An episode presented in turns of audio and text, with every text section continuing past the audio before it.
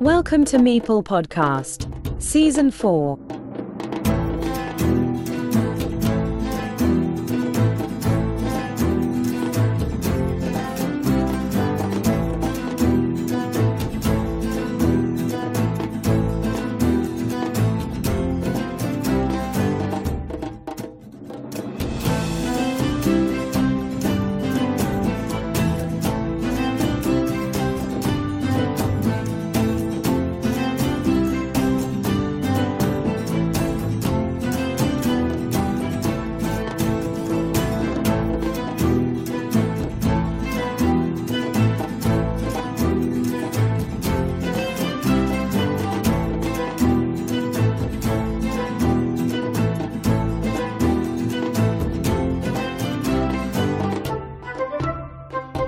Dear friends, today we have in Meeple podcast someone very special, as much as the history of the Carcassonne World Championship itself.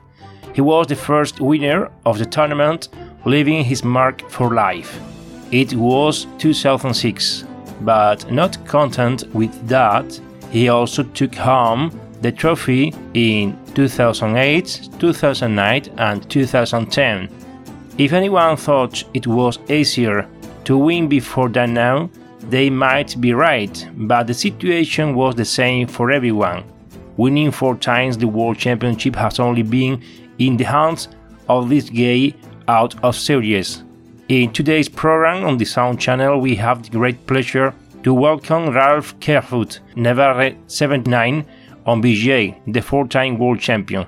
Welcome, Ralph. Hello, Joaquin. Thank you so much for having me here. We know how many times you have won the World Tournament, but how many times have you won the German National Championship? Um, I won the German Championships in 2006 and 2023, and I got two second places. That was 2008 and 2009. You are back to your old ways. Well, I am doing the best I can after a very long break. I was asking Vladimir in his interview on Meeple podcast what were the differences between the Kovalev of 2016 and the Kovalev of 2023. But in your case, I do not know how to approach it. Well, regarding Carcassonne, um, my love for this game and my ambitions, I, I think not so much has changed.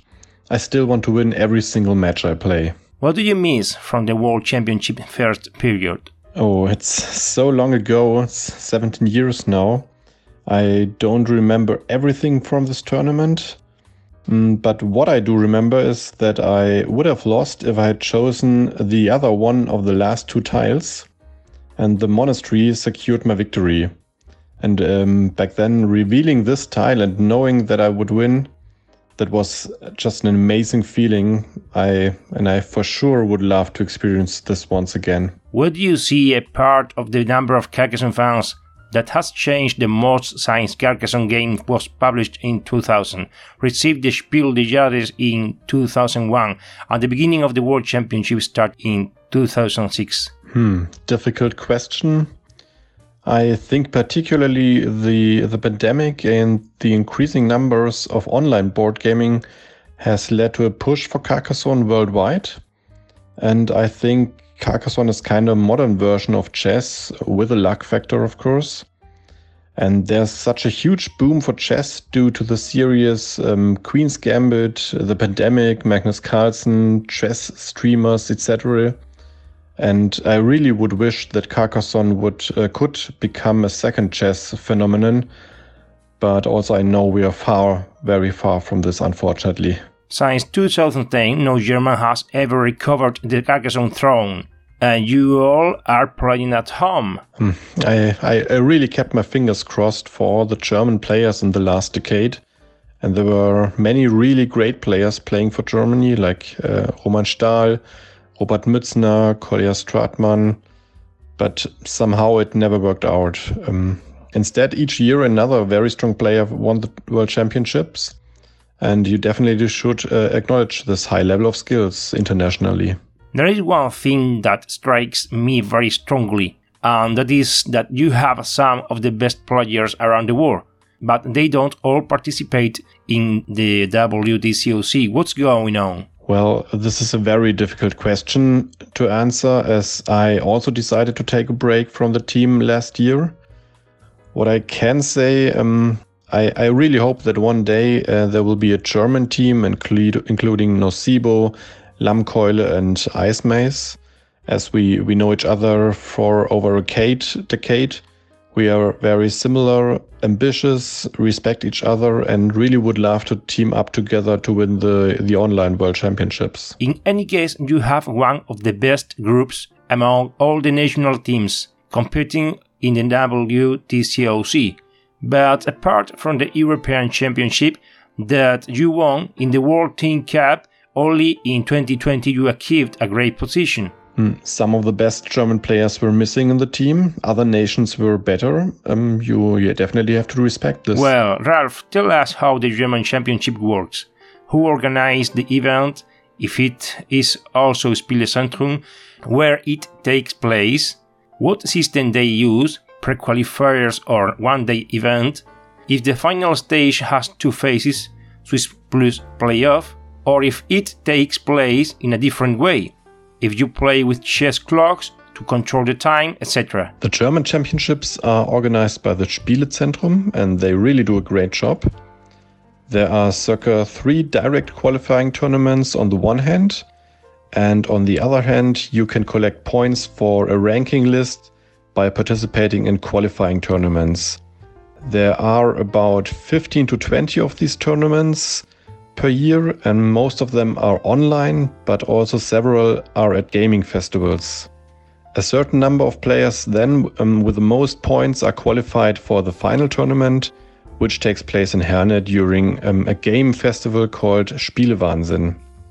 And this tournament, this final tournament, has basically the same rules as the World Championships, with five rounds of Swiss system and then quarterfinals to final SKO rounds but there are no chess clocks used. And finally, give us details of your experience in the event that has got you again to be among the best players in the world. Tell us about the road to victory. During the pandemic, I, like um, many others, found the board game arena and I rediscovered my ambition to play Carcassonne on tournament level.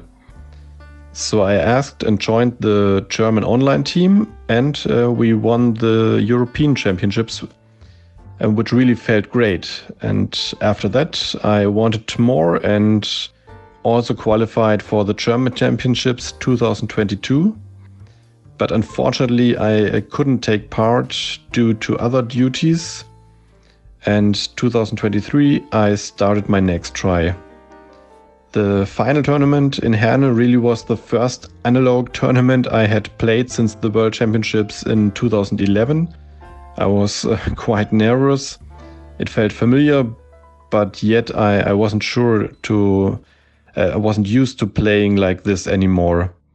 Luckily, I got back into the rhythm, got the right tiles, and finally I could win. What other games are you passionate about besides Carcassonne? As I'm working as a board game editor at the publisher Kosmos, um, I really play many, many games, both for work and also in my spare time.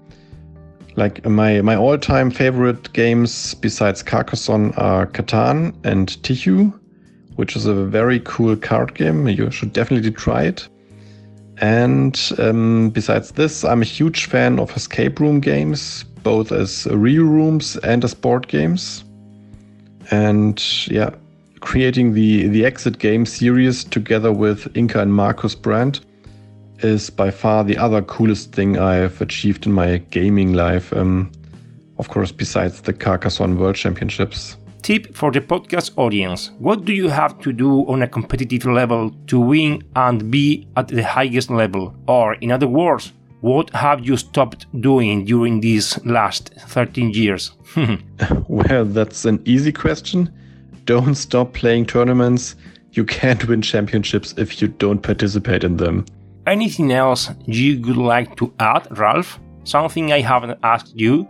Or that you simply want to add to this interview? I, I really would like to thank you and all the other enthusiasts who create content about Carcassonne, like podcasts, videos, etc.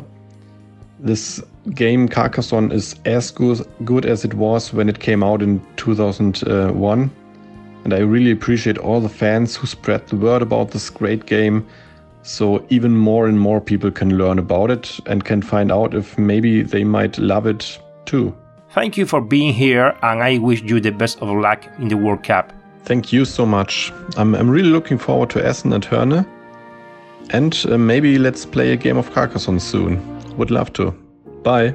To all the audience at Carcassonne Hute, see you on the next episode.